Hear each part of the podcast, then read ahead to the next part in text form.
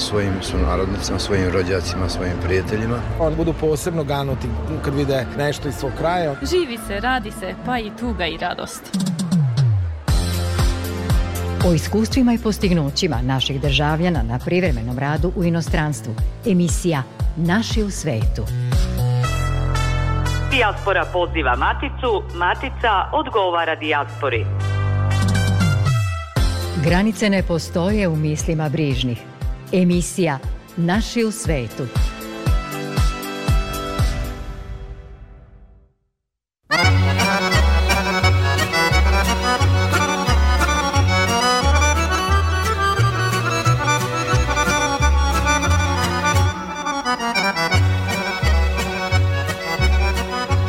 Veče i dobrodošli u emisiju koja unapređuje odnos matice i dijaspore. Ukoliko ste za odmor i praznike došli u Srbiju, nadamo se da ste sa svojim najbližim. Ako ste možda usamljeni, želimo da znate da smo mi uz vas, temama koje će vas verovatno zanimati u narednih 40 minuta. Čućete kako su protekli razgovori predstavnika naših organizacija i udruženja iz sveta sa predstavnicima vlade Srbije koja planira izradu nove strategije odnosa sa dijasporom.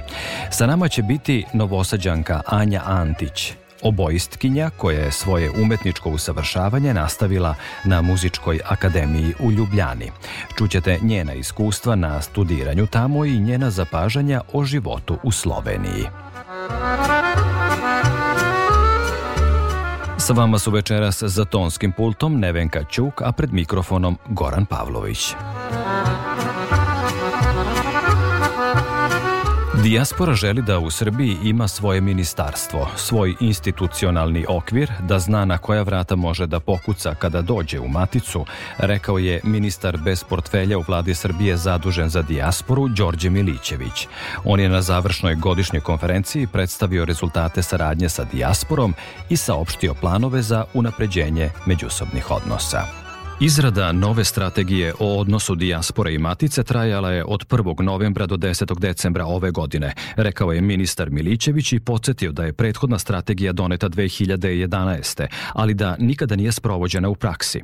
Posebno sam ponosan na razgovore sa mladim ljudima o njihovim problemima u oko 40 lokalnih samouprava u Srbiji, dodao je Milićević. Ako kažemo da mladost ne sme da bude mana, već prednost, i ako svi kažemo najveći resurs kojim raspolaže jedno društvo je upravo mladost. Nemojte onda da arčimo to, taj potencijal. Nemojte da arčimo i da ostavljamo taj resurs po strani, nego dajte da ih motivišemo. Dajte da, da ih usmerimo. Dajte da im pomognemo da sagledaju potencijale i tras, trasiraju put budućnosti. Posebno sam ponosan na, na, na razgovore koje sam imao sa mladim ljudima i to ćemo nastaviti. I ono o čemu sam želeo danas da da govorim jeste da vas obavestimo rezultatima jednog po našem mišljenju veoma važnog projekta. U pitanju je projekat pod radnim nazivom Priprema i organizacija izrade strategije očuvanja i jačanja odnosa matične države i dijaspore, matične države i Srba u regionu. Razlog zbog koga smo ovo radili leži u činjenici da Srbija praktično nema strategiju očuvanja i jačanja odnosa matične države i dijaspore i Srba, matične države i Srba u regionu. Naime, prethodna strategija je doneta 2011. godine, podsjetit ću vas. Ali što je mnogo gore, možemo slobodno reći da nije ni sprovođena s obzirom da je nisu pratili akcioni planovi, nije bilo sistemskog pristupa u definisanju ciljeva, sprovođenju politike, evaluacije postignutog. Znate, 2011. da mi smo u 2023. godini. Suštinsko je pitanje da li ta strategija može da odgovori na potrebe današnjice i izazove o otvorenim pitanjima sa kojima se suočavaju sunarodnici koji žive van Srbije. To je bila tema i Vidovdanskog sabora koji je održan u Beogradu, dodaje Milićević. Strategija bi, kaže on, bila planirana za narednih 10 godina. Osnovna ideja je bila da dođemo do što većeg broja ljudi kako bismo čuli što više iskustava, kako bismo čuli što više razmišljanja, što, što više sugestija, predloga, ali da kroz aktivnosti koje slede oni ostanu aktivni učesnici procesa izrade nove strategije. Možemo mi sesti u Beogradu i napisati strategiju i preko resornog ministarstva strategiju predložiti Narodnoj skupštini Republike Srbije. Ali jesmo li time učinili realizovali ono što je suština? Nismo. I ta strategija će ostati, i taj papir će ostati, to će ostati mrtvo slovo na papiru. Dakle, ovde je suština da mi kroz sugestije, kroz predloge, kroz interaktivan odnos, kroz dijalog sa našim sunarodnicima koji žive van Srbije, želimo da dođemo i smatramo da je to jedini način da dođemo do tog dokumenta. Dijaspora kaže da kada dođe u Srbiju želi da zna gde je njihova kuća, poštujući institucije zemlje, a veliki problem dijaspore je nepoznavanje određenih administrativnih procedura, kaže Milićević. Misle i da su procedure i papirologija preduge i iscrpljujuće i zato predlažu jedan jedinstveni šalter za rešavanje imovinskih i drugih prava, kao i za potencijalne investitore u zemlji porekla, precizira Milićević i dodaje. Pitanje elektronske komunikacije i uopšte olakšane komunikacije sa državnim organima elektronskim putem, mogućnost zakazivanja za realizaciju određenih poslova, sastanaka u vreme kada su prisutni u Srbiji je takođe često postavljano i u tom smislu se predlažu različite rešenja koje će biti razmatrana sa nadležnim organima. Delovanje Srpske pravoslavne crkve u državama u kojima živi naša dijaspora je jedno od centralnih pitanja. U svim diskusijama. Naša crkva ima posebnu ulogu kao mesto okupljanja i održavanja naše dijaspore, da bi ona obavljala tu svoju ulogu, potrebna je podrška i pomoć države, o tome se mora razgovarati sa predstavnicima Srpske pravoslavne crkve, posebno o širenju dobre prakse koja postoji u nekim parohijama, a koja mnogo znači našoj dijaspori. Srpska pravoslavna crkva je, rekao bih sa sigurnošću, faktor stabilnosti, okupljanja, jedinstva naših sunarodnika koji žive van Srbije, ma gde oni živeli u ovom trenutku. Milićević je naglasio i da je u pripremi dopis svima koji su učestvovali u razgovorima o novoj strategiji, o odnosu matice i dijaspore, kako bi ih izvestili o zaključcima do kojih su došli. Oni će biti pozvani da se pismenim putem izjasne o tome, prošire svoje razmišljanje koje su izneli na sastancima, ali i da pokrenu neke dodatne teme. Kada su u pitanju naša diplomatsko-konzularna predstavništva, diskusije su bile različite mnoštvo predloga za unapređenje rada i o tome treba svakako razgovarati sa resornim ministarstvom. Po našem mišljenju, pitanje naših udruženja na osnovu onoga što smo čuli i videli zaslužuje posebnu pažnju i analizu. Moram da podelim sa vama nekoliko i neprijatnih konstatacija koje, se, koje su se čule tokom naših sastanaka. Prvo, udruženja nisu inkluzivna niti atraktivna kako novo pridošloj dijaspori, tako i mladima koji su druga ili treća generacija naše dijaspore. Milićević je podsjetio da je pored Vidovdanskog sabora koji je okupio predstavnike 275 udruženja i organizacija iz regiona i sveta, tokom leta bila organizovana tri tematska kampa za više od 5000 mališana, kao i manifestacija Mostovi do zavičaja, koja je imala za cilj medijsko povezivanje dijaspore i matične države. Rekao je i da je u Srbiji boravilo oko 30 novinara iz rasejanja, kako bi doprineli unapređenju međusobnih veza, ali i informisanju naših ljudi širom sveta o temama od obostranog interesa. Smej se,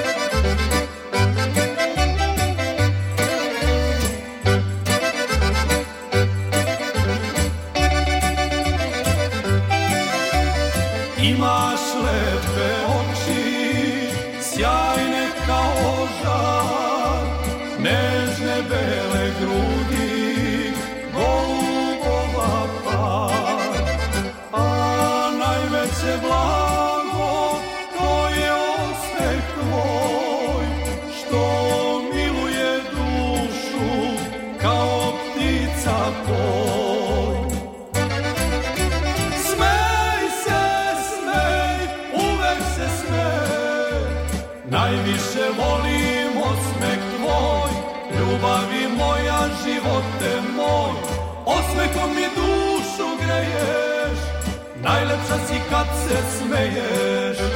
Smej se, smej, uvek se smej, najviše volim osmeh tvoj, ljubavi moja, živote moj,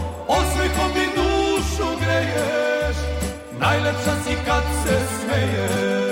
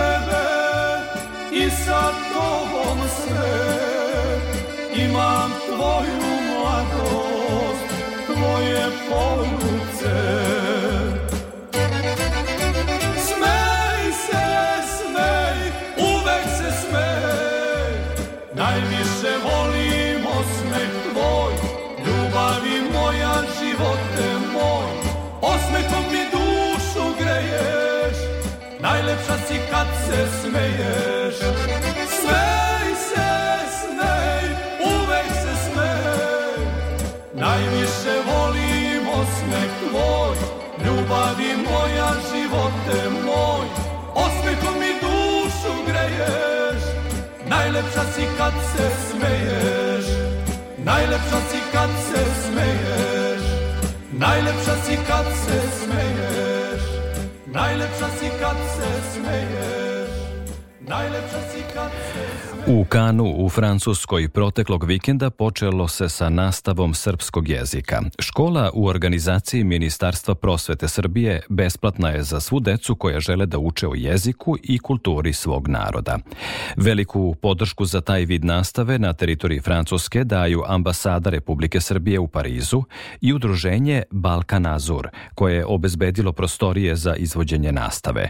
Đaci će izučavati tri predmeta – srpski jezik, moja otačbina Srbija i osnovi kulture srpskog naroda. Emisija Naši u svetu. U Republici Sloveniji živi veliki broj ljudi našeg porekla. Mnogi su u tu zemlju otišli nakon ratova 90. godina, neki zbog posla, poneko zbog ljubavi ili školovanja. Želja za usavršavanjem odvela je novosađanku Anju Antić u Ljubljanu, na tamošnju muzičku akademiju gde pohađa drugu godinu studija. Ona je solista na duvačkom instrumentu oboji. Došla je kratko u rodni grad na odmor i pristala da dođe kod nas u RTV da nam prenese svoje utiske o životu i školovanju u Sloveniji. Anja, dobrodošli kod nas. Hvala, bolje vas našla. U Novom Sadu ste završili osnovnu i srednju školu Isidor Bajić, potom vam se pružila prilika da se usavršavate u Ljubljani, o tome ćemo nešto kasnije. Kako biste ocenili svoje školovanje pre svega ovde u Novom Sadu? Kakvi su vam uopšteno utisci ne samo o načinu školovanja, nego i utisci sa nastupa koje ste imali širom Srbije? U muzičkoj školi mi je uvek bilo prijatno, profesoricu sam poznavala 10 godina sve zajedno što se tiče i osnovne i srednje škole. O kojoj profesorki govorimo? Profesorka Ljiljana Seged i moja profesorka oboje još iz osnovne škole, a muzičko zabavište sam upisala pre toga sa četiri godine, tako da sam već dugo bila u Bajiću i upoznala sam mnoge profesore i prijatelje i stvarno sam uvek volela da idem u školu. Kada reč o tim nastupima koje pominjemo u Srbiji, koji su vam nekako onako stavili naročit utisak? Pa najdraži mi je možda bio neki od nastupa u kulturnoj stanici Edšek, zato što je tamo jako lep prostor za sviranje i uvek je bila prijatna publika, kulturna, lepo su pratili koncert, tako da uvek sam voljela tamo da sviram. Koje te koncerte najčešće organizovao?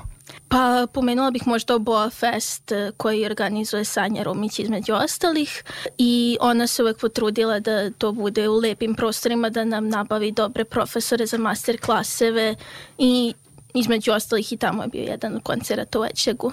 Kada se javila ideja da odete na akademske studije dalje u Sloveniju i šta je bilo presudno da se odlučite za neku drugu zemlju? Ja sam 2015. godine bila na takmičenju duvačkih instrumenta Mona u Ljubljani i tada sam se zapravo zaljubila u Ljubljanu i odlučila da bih voljela tamo da studiram, a kasnije sam i upoznala profesora sa akademije na takmičenju u Varaždinu godinu dana kasnije. Stupila sam u kontakt sa njim, on je rekao da bi bio voljan da bude moj profesor u budućnosti i eto nas sada. U Sloveniji ste dakle i posvetit ćemo ovaj razgovor onima koji bi eventualno krenuli vašim stopama. Po sporazumu između Srbije i Slovenije studenti našeg porekla tamo ne plaćaju školovanje. Kako su vas dočekali u toj zemlji? Čime su vas iznenadili u pozitivnom, a čime u negativnom smislu? Da li uopšte bilo negativnih iskustava na početku u Sloveniji? Pa i nije, profesori su stvarno bili prijatni od početka za naše možda malo manje poznavanje jezika ili ako je nekom bilo potrebno malo više vremena da se prilagodi, uvek su imali razumevanje za to i generacije studenta pre mene su takođe isto dolazili iz Srbije ili Hrvatske da studiraju u Ljubljani, tako da su nekako već upoznati sa tim, ali i mi smo se kao studenti trudili da to što pre naučimo jezik, kulturu i da se prilagodimo. Rekli ste da to nekakvo razmišljanje o Sloveniji traje od 2015. ili 16. godine. Da li možete da se prisetite koliko je dugo trajala priprema da se ode na jedan tako komplikovan poduhvat? Pa recimo od početka srednje škole, znači to je bila neka 2018. ili 19. godina, profesorka i ja smo već imali u planu da se pripremamo za odlazak u Ljubljanu. Godinu dana pred prijemni ispit, otprilike sam otišla na jedan čas kod profesora u Ljubljanu i on me čuo, rekao šta još treba možda da promenim, pripremim za prijemni ispit da bi to sve prošlo u najboljem redu.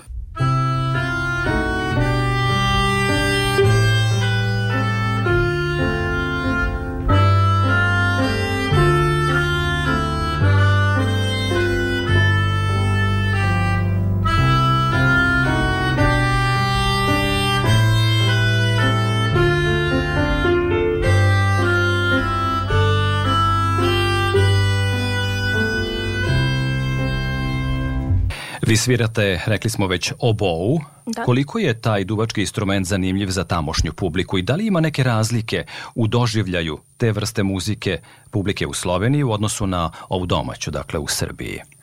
Pa nema neke velike razlike, instrument je sam po sebi manje poznat od neke flaute ili klarineta, i uvek nas e, svi dirigenti i profesori dočekaju raširenih ruku kada dobiju dobrog obojistu, zato što stvarno nas nema toliko i vole recimo svaki dirigent sa kojim sam ja do sad sarađivala, voleli su da mi daju da sviram neki solo ili nešto slično, zato što publici je stvarno uvek interesantno da čuje zvuk oboja, jer ne zna svako šta je oboja. Verujem da ste se dobro raspitali o uslovima školovanja u Ljubljani. Ipak ste tamo otišli kao stranac. Da li su uslovi koji su vam predočeni kada ste upisivali školu bili i ispoštovani i kome se obraćate kada naiđete na bilo koji problem na tamošnjoj muzičkoj akademiji? Pa možda se prvo obratim i najradije baš svom profesoru oboje, zato što on je na dosta dobrom položaju na akademiji i meni se lično čini da je on vrlo poštovan i nekako u njega imam najviše poverenja ako, do, ako se nađem pred nekim problemom da se njemu obratim. Kako se on zove? Profesor Matej Šarc. Dakle, da li su bili ispoštovani uslovi koje su vam obećali na početku školovanja? Da li vas je, drugim rečima, dočekalo tamo ono što ste vi očekivali iz tih pripremnih razgovora za to dopunsko školovanje? Pa ja mislim da jeste, svi profesori su vrlo kulturni, prijatni e, i sve stvarno tako kako su i rekli da će biti svaki ispit, svaki kolokvijum, sve je na mestu, sve se zna unapred, sve je vrlo dobro organizovano, nema nekih neprijatnih iznenađenja. Koliko naših studenta ima na toj akademiji u Ljubljani, da li se sastajete i delite iskustva i koliko vam ta solidarnost znači u tom snalaženju i u školi i u tamošnjem društvu? To je nešto što mi možda najviše znači tamo u Ljubljani, da nas ima sve više i više.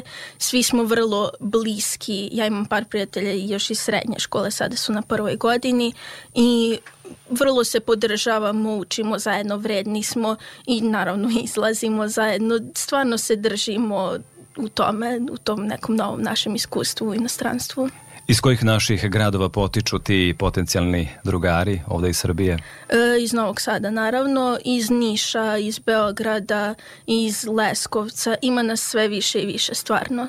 Da li možemo onda da sa jednim uverenjem da kažemo i potvrdimo onu u narodu da smo zajedno jači i bolji svakako? Naravno, to je baš tako tamo u Ljubljanin akademiji. Kako se živi i studira u Sloveniji, pričat ćemo sa Anjom Antić i u nastavku emisije Naši u svetu nakon kraće pauze.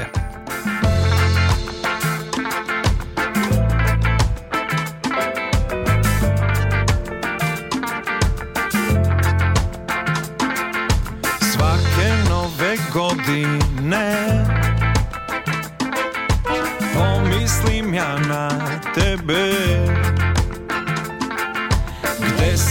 si, s kim si, kako si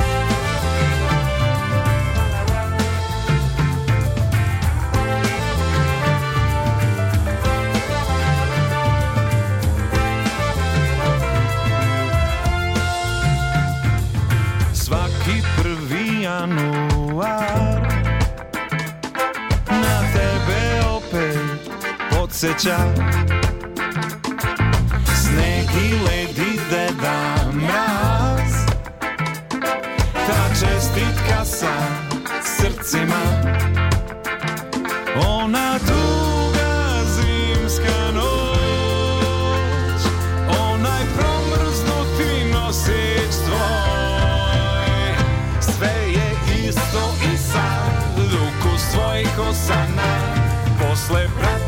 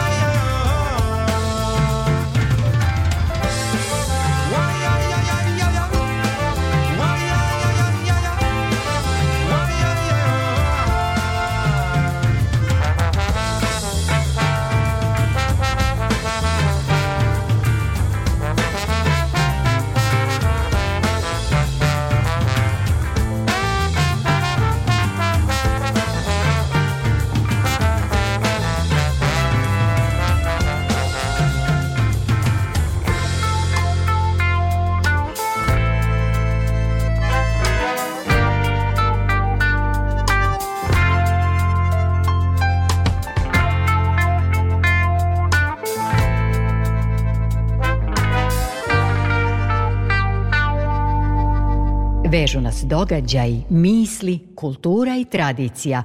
Emisija Naši u svetu. Republika Slovenija je utočište mnogim našim državljanima na radu i školovanju. O tome smo pričali sa Anjom Antić i taj razgovor nastavljamo slušajući o njenom snalaženju u toj zemlji. Gledajući vašu radnu biografiju, Anja, ili takozvani CV, video sam mnogobrojne nastupe u Srbiji i veliki broj nagrada. Koje biste istakli i za koje nagrade možemo da kažemo da su bile naročite preporuke za dalje usavršavanje? Pa najbitnije su mi naravno nagrade sa međunarodnih takmičenja. E, verovatno bih izdvojila tu im onu iz 2015. jer ona mi je nekako bila iskorak u međunarodna takmičenja zato što to je za mene bilo prvo takmičenje u kom u istoj kategoriji sa mnom nisu bile samo oboje nego i drugi duvački instrumenti. Takođe bih izdvojila naravno i dva takmičenja u Varaždinu 2016. i 17. zato što ta takmičenja su me zapravo povezala sa profesorom jer mi je on bio u žiriju i takmičenja u Rimu ili u Palmanovi zato što e, to su takmičenja u Italiji, tako da nekako su me najviše isterala u inostranstvo da me čuju i ljudi malo dalje. Pominjete da ste nastupali sa oboom u inostranstvu. U čijoj režiji su bili ti odlasci u inostranstvo? Ko vam je to omogućio? Finansijska sredstva smo uglavnom moji roditelji i ja izdvajali. Dobijali smo neke podrške, da li od škole, grada, pokrajine, naravno, ali većinom smo mi to sami morali da organizujemo, nažalost. Kada ste konkurisali za školovanje na Muzičkoj akademiji u Ljubljani, koji su vam bili preduslovi i po vašem mišljenju imate li povratnu informaciju od predstavnika tamošnje akademije koji su im delovi vaše umetničke biografije nekako bili najinteresantniji? U Sloveniji mi se čini da malo više gledaju prosek iz škole nego ta takmičenja. Njima je to nekako bitniji aspekt, to opšto obrazovanje, ali naravno gledaju se i nagrade, tako da to je neka interesantna razlika između dva sistema, da tako kažem. Na koje razlike mislite? Kod njih se mnogo više fokusira u srednjoj školi, bar na i na druge opšte predmete, na primer ima mnogo više predmeta poput matematike, fizike, hemije, dok e, recimo ja u srednjoj muzičkoj školi sam imala te predmete po samo godinu ili dve. Ovde Nisam u Srbiji. Sve četiri, da.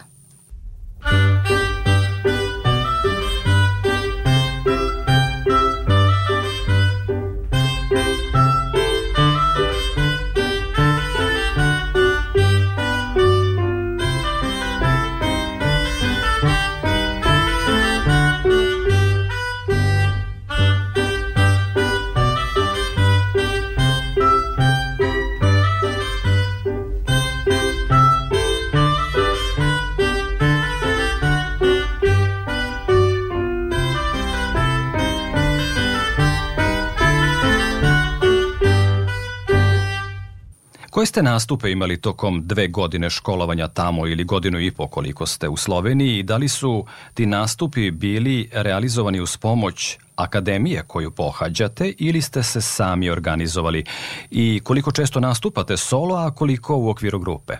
Pa u prvoj godini sam uglavnom nastupala u organizaciji akademije i to su uglavnom bili simfonijski orkestri ili duvački, a ove godine sam uspela da stupim u kontakt sa dirigentom Gregorom Zagorcem koji mi je e, pomogao da nastupim sa njim e, u duvačkom orkestru, gradskom duvačkom orkestru grada Metlike i taj nastup mi se izuzetno svidio zato što sam upoznala mnogo dragih ljudi, novih muzičara, stekla sam stvarno ta bitna poznanstva i zaista lepo iskustvo za mene. Da li vam ljudi koji su iz tog sveta umetnosti pružaju podršku kao mladoj osobi tamo u Sloveniji pre svega? Naravno, on je takođe jedan od ljudi kojima uvek mogu da se obratim kada imam neki problem što se tiče studija inostranstvu pored profesora, tako da zaista cenim sva ta poznanstva koja sam stekla za te dve godine. Jedan od onih koji su takođe zaslužni za pomoć koja mi je trebala u, u trenucima boravka u Ljubljani je Aleksandar Gatalica iz, Srp, iz Srpske ambasade u Ljubljani. Oko kog problema vam je izašao u susret? E, imala sam nekih privatnih problema sa, sa stanodavcem u Ljubljani. Pomogao mi je i da pronađem advokate koji su mi u tom trenutku trebali i zaista sam lako posle toga zaboravila na to malo neprijatno iskustvo.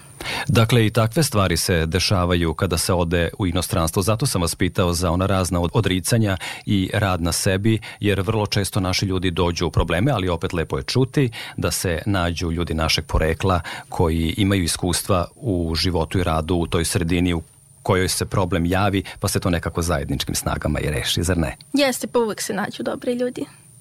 Kada razgovaramo sa našima u svetu, uvek volimo da slušamo o individualnim uspesima, upravo o jednom takvom govorimo i sa vama, ali i o odricanju koje prethodi uspehu u nekoj drugoj sredini. Rad na sebi svakako podrazumeva i određene ustupke koje pravite. Koji su vam najteže pali odlaskom u Sloveniju?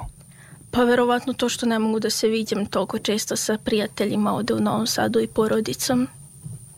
Dobro, pored ovih društvenih mreža i raznih e, mogućnosti razgovora preko interneta, ta komunikacija može da se svede na jedan prihvatljiv nivo koji može da uteši, ja verujem, i mladu osobu poput Može, vas. naravno, da, ali uvek se radujem kada dođem kući da se lepo vidim sa svima uživo. Sem toga, da li vam još nešto nedostaje, da li ste morali nečega da se odreknete, da li su tamo strožiji kriterijumi za rad sa orkestrom za sviranje oboje, da li možete nečega da se prisetite u tom smislu? Jesu, dosta su zahtevni uslovi za rad, bar se meni tako čini. Viši je standard zaista zato što oni ciljaju jel, ka tom nekom evropskom standardu koji će sigurno sam doći i ovde kod nas, ali oni su možda ipak malčice iznad. Zahtevniji su profesori stvarno i zbog toga što je drugačiji sistem obrazovanja, ali to mene svejedno čini zadovoljnom zato što uvek se trudim da radim na sebi.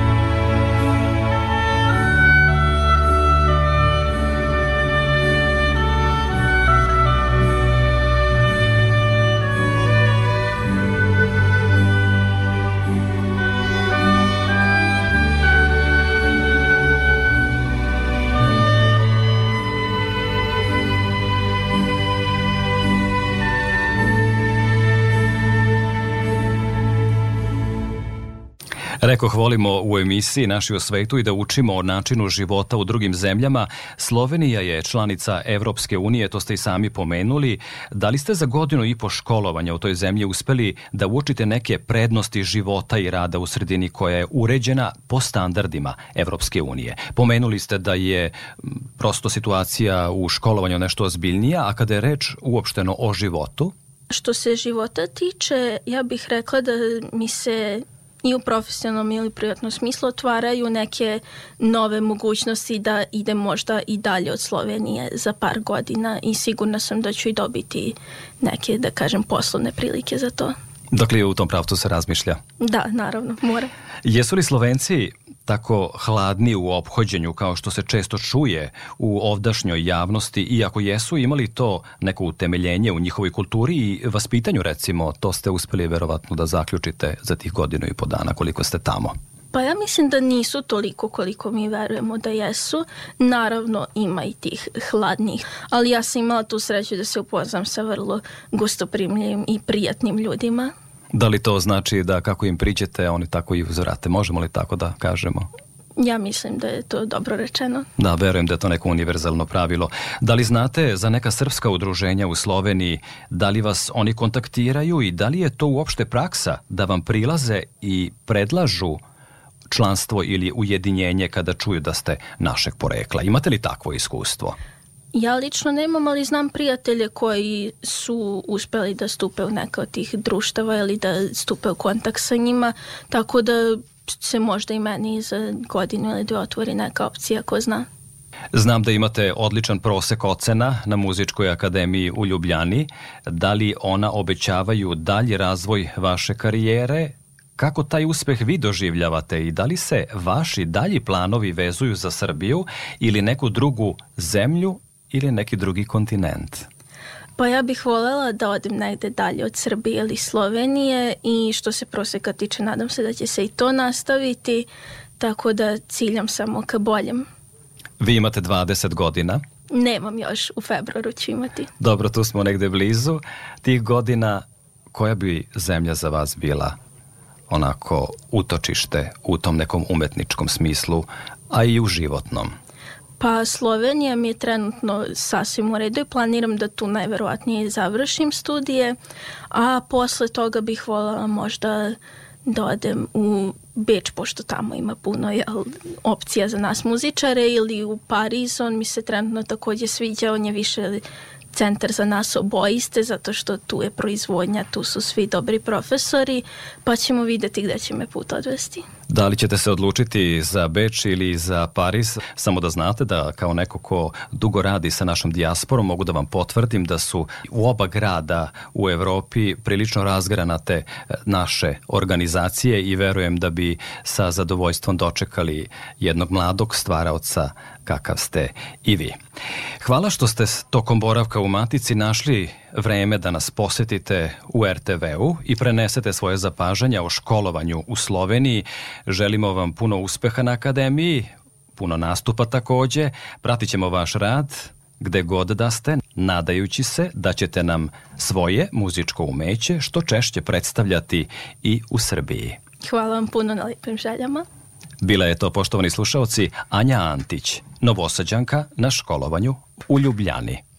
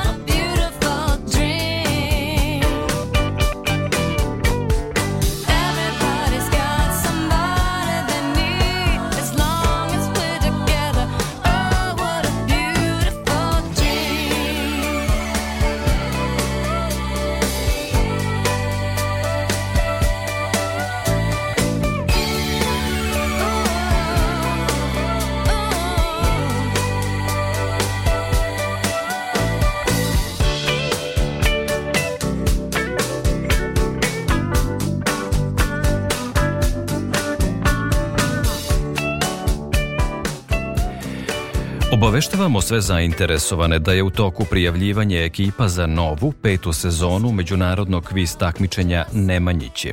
Pravo učešća imaju škole, institucije, crkve, klubovi i druga pravna lica iz Srbije, Republike Srpske, regiona i srpske dijaspore iz Evrope, Amerike, Azije, Afrike i Australije.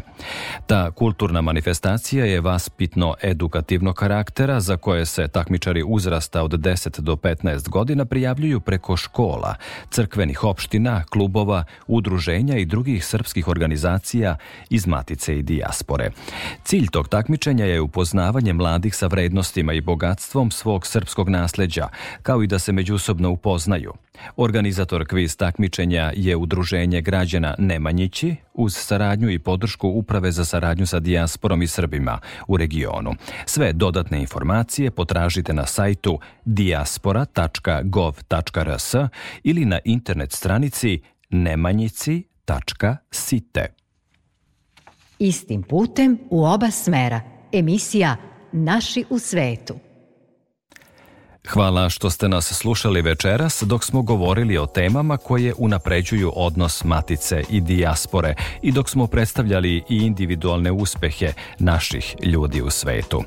Želimo vam prijatan boravak u matici ako ste za praznike došli u zemlju porekla. Ako putujete u rodni kraj, želimo vam svakako srećan put i srećnu novu nastupajuću godinu takođe. Ako sa nama želite da podelite svoje uspehe u svetu, potražite nas na Facebook stranici Naši u svetu RTV. Želimo vašu pažnju i sledećeg petka od 19.05. Svako dobro.